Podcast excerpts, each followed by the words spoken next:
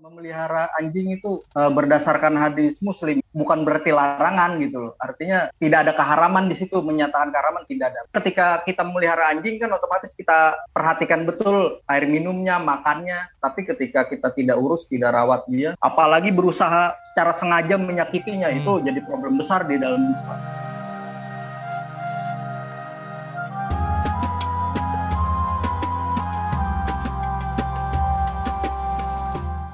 Assalamualaikum warahmatullahi wabarakatuh.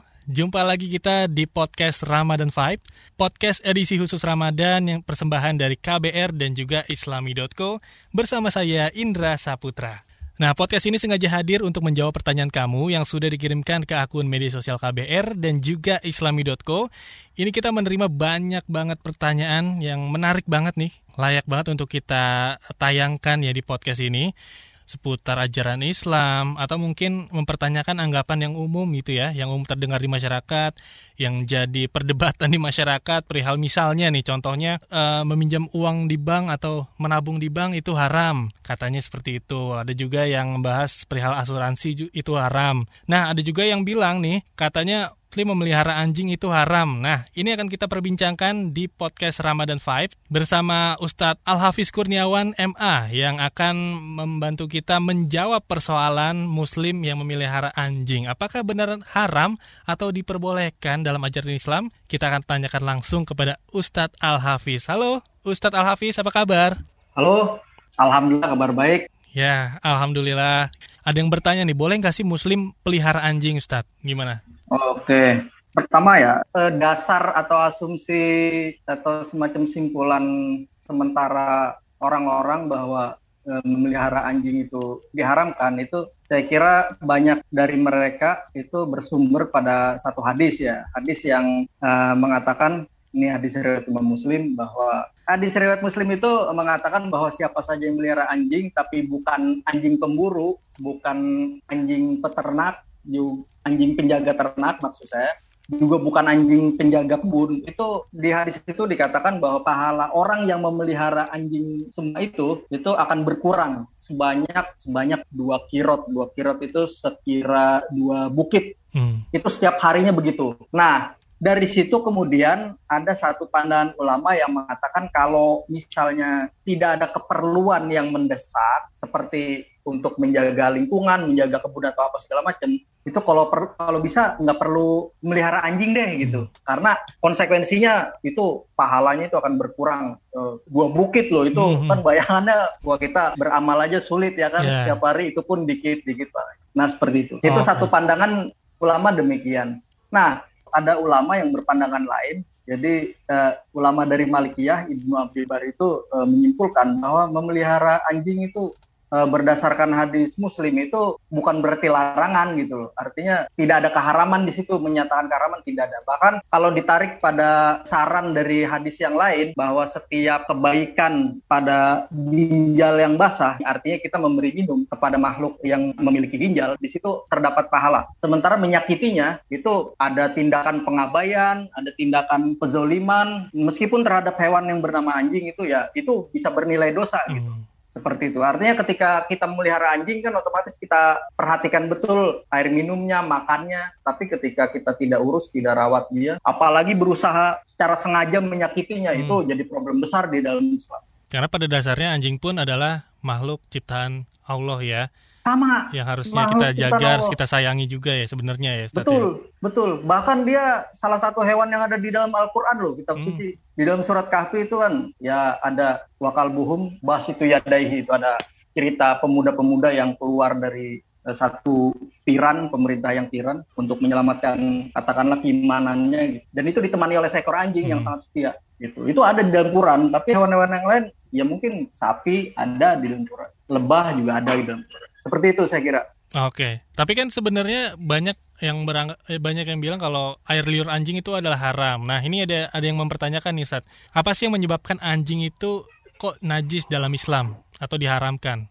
Oke, soal najis anjing ya. Hmm. Nah, ini ini lagi-lagi juga itu masalah kalau dalam kajian hukum Islam itu uh, disebut masalah khilafiyah. Khilafiyah itu masalah yang bukan prinsip, yang mana ulama memiliki pandangan yang berbeda di situ, pandangan berbeda. Nah, ulama Syafi'iyah biasanya itu menganggap anjing itu bagian dari najis yang eh, yang tingkat atau grade-nya tuh agak berat gitu. Berbeda seperti najis pada umumnya gitu. Itu seperti itu. Ya tidak bisa disalahkan juga karena uh, bagaimanapun uh, ulama-ulama dari Sapiyah ini bersumber pada satu hadis yang mengatakan apabila seekor anjing menjilat salah satu piring atau hmm. wadah atau bejana atau apa pun itu maka hendaklah kamu membasuhnya dengan tujuh kali basuhan. Nah dari situ ulama Sapiyah bersimpulan bahwa anjing itu hewan yang memiliki kadar najis yang agak khusus sampai hmm. perlu dibasuh sebanyak tujuh kali. Nah itu satu pandangan yang mengatakan demikian. Nah sementara ulama lain juga uh, mazhab Hanafi itu anjing itu tidak termasuk benda najis sebagaimana yang lain, enggak, enggak. Dia tidak memasukkan itu ulama Hanafi itu tidak e, didasarkan pada satu ayat Quran yang mengatakan tidaklah aku memperoleh wahyu yang diwahyukan kepadaku kecuali sesuatu yang diharamkan. Hmm bagi orang yang hendak memakannya. Tapi kalau kecuali kalau memang makanan itu bangkai, darah yang mengalir atau daging babi yang disebut itu, nah itu semuanya itu kotor. Nah, dari situ kemudian dari ayat ini dari surat Al-An'am ayat 145 itu ulama dari mazhab Hanafi itu bersimpulan bahwa anjing itu bukan bagian dari hewan yang najis seperti yang hmm. dipahami kelompok Syafi'iyah gitu. Artinya masalah ini masalah yang sifatnya spekulatif dalam pengertian eh, masing-masing mazhab punya pandangannya masing-masing dan didasarkan pada sumber yang otoritatif, yang satu bersumber Quran, yang satu bersumber pada hadis. Seperti itu. Jadi tidak ada satu suara atau satu hukum yang tunggal. Hmm perihal najisnya anjing itu nggak ada nggak ada hukum yang tunggal. Oh ini pasti najis. Terus cara basuhnya harus tujuh kali. Ya itu ya hmm. menurut Sapiah begitu. Tapi menurut Hanafiah nggak ada masalah. Orang dia juga nggak disebut di dalam Quran yang saya pahami menurut Hanafiah begitu. Demikian juga menurut Malikiyah. Ya, tidak memasukkan anjing itu bagian dari sesuatu yang najis. Ya hmm. kalaupun najis ya kotorannya gitu loh. Bukan zatnya atau bukan fisiknya atau liurnya seperti itu. Iya kadang kan ada yang bilang menyentuh kul apa bulunya pun sudah najis katanya gitu ya Ustadz ya. Banyak yang beredar seperti itu. Nah ini iya, iya, betul. mungkin bisa diambil dari beberapa pelajaran tadi. Ini ada juga yang bertanya kenapa di Indonesia kok anjing-anjing seolah jadi binatang musuh Islam? Kayaknya nggak juga ya. Tapi ada yang bertanya uh, seperti itu nih Ustadz nih. Ya hampir bisa dipahami bahwa umumnya atau masa mayoritas masyarakat Indonesia itu memperlakukan anjing sedemikian rupa karena pandangan keagamaan yang dianut kebanyakan masyarakat Indonesia itu mazhab Syafi'i. Hmm. Mazhab Syafi'i yang menempatkan anjing sebagai kalau di grade-nya itu najis ada najis mukofafah, najis ringan yang cukup dipercikan air itu hmm. udah suci atau ada ada grade yang lebih tinggi lagi najis mutawasito itu ya dibasuh sebagaimana umumnya. Nah, yang tertinggi ini uh, oleh Syafi'iyah disebut najis mugolazo masuk dalam kategori di dalam situ adalah najis anjing, najis babi itu masuk mugolazo. Nah, cara menyucikannya itu tadi seperti saya sebut uh, dibasuh tujuh kali. Sebenarnya dengan bermazhab Syafi'i yang menempatkan anjing di grade tertinggi itu, itu sebenarnya juga nggak ada alasan bagi kita untuk musuhi anjing juga gitu loh. Ya bahwa dia najis ya najis saja, tapi bukan berarti ber, menjadi alasan bagi kita untuk memusuhinya ya, atau menyiksanya apalagi ya. Wah iya itu waduh seperti itu. Ingat ya, eh, anjing juga makhluk ciptaan Allah yang patut kita jaga, patut kita sayangi juga lah. Oke, mungkin kalau misalnya ada yang nggak suka, ya nggak suka ya silakan, tapi jangan sampai menyakiti karena kita iya, sesama yeah, yeah, makhluk yeah. ciptaan Tuhan.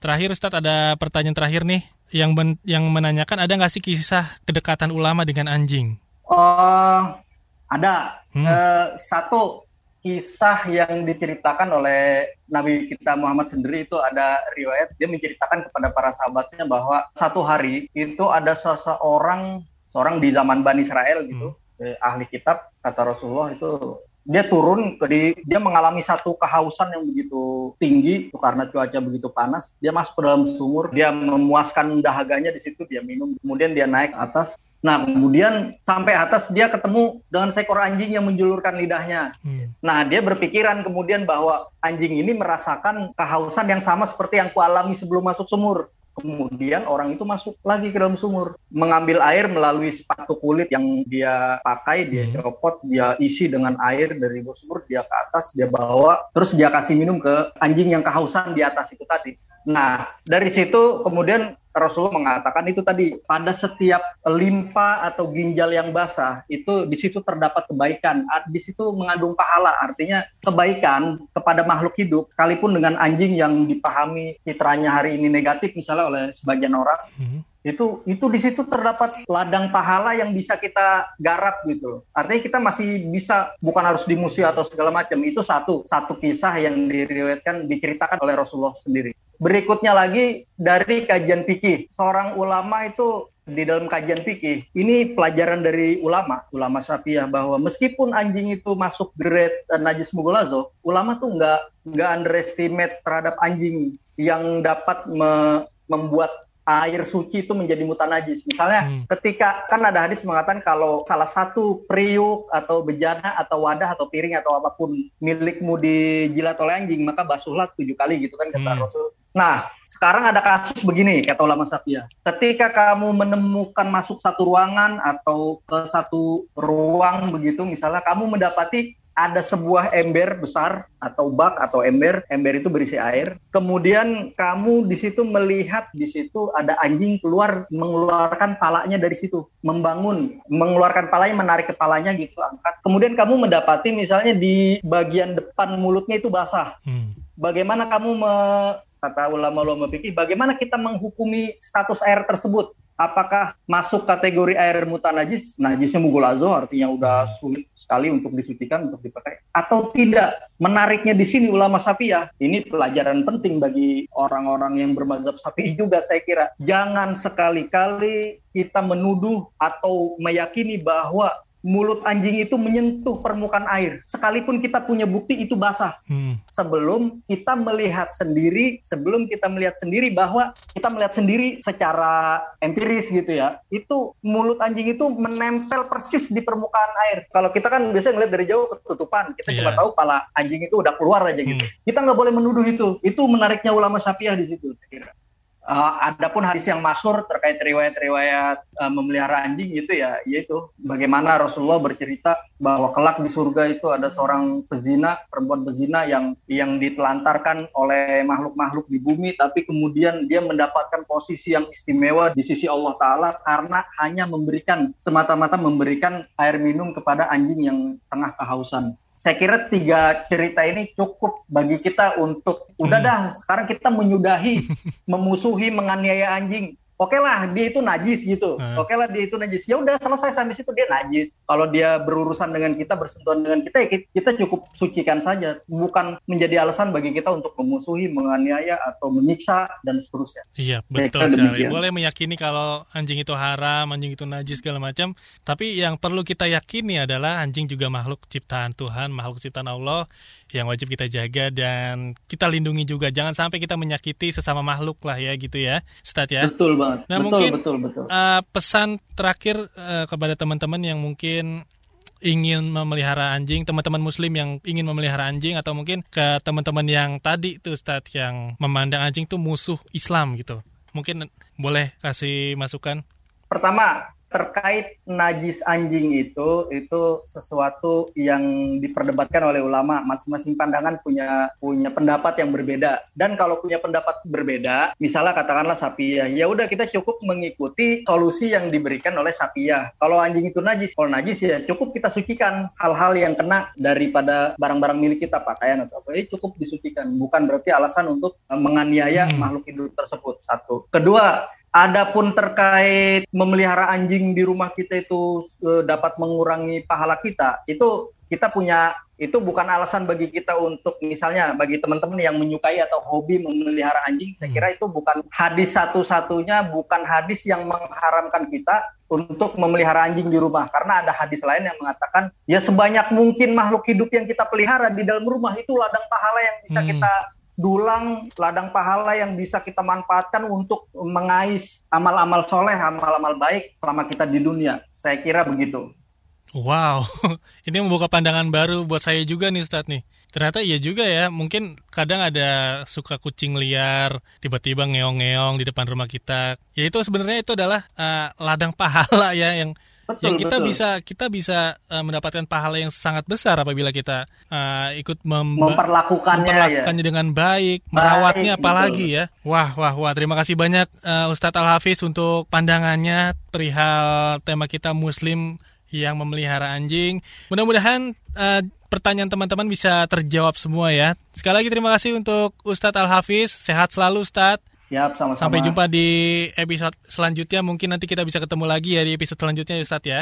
Baik, baik, baik. Amin. Dan buat kamu juga Amin. yang mungkin punya pertanyaan seputar Ramadan, seputar Islam atau hubungan antar umat beragama dari sudut pandang Islam, boleh banget kamu tanya langsung ke kita. Caranya gampang, tinggal DM kita aja di Instagram atau Twitternya KBR atau islami.co ya.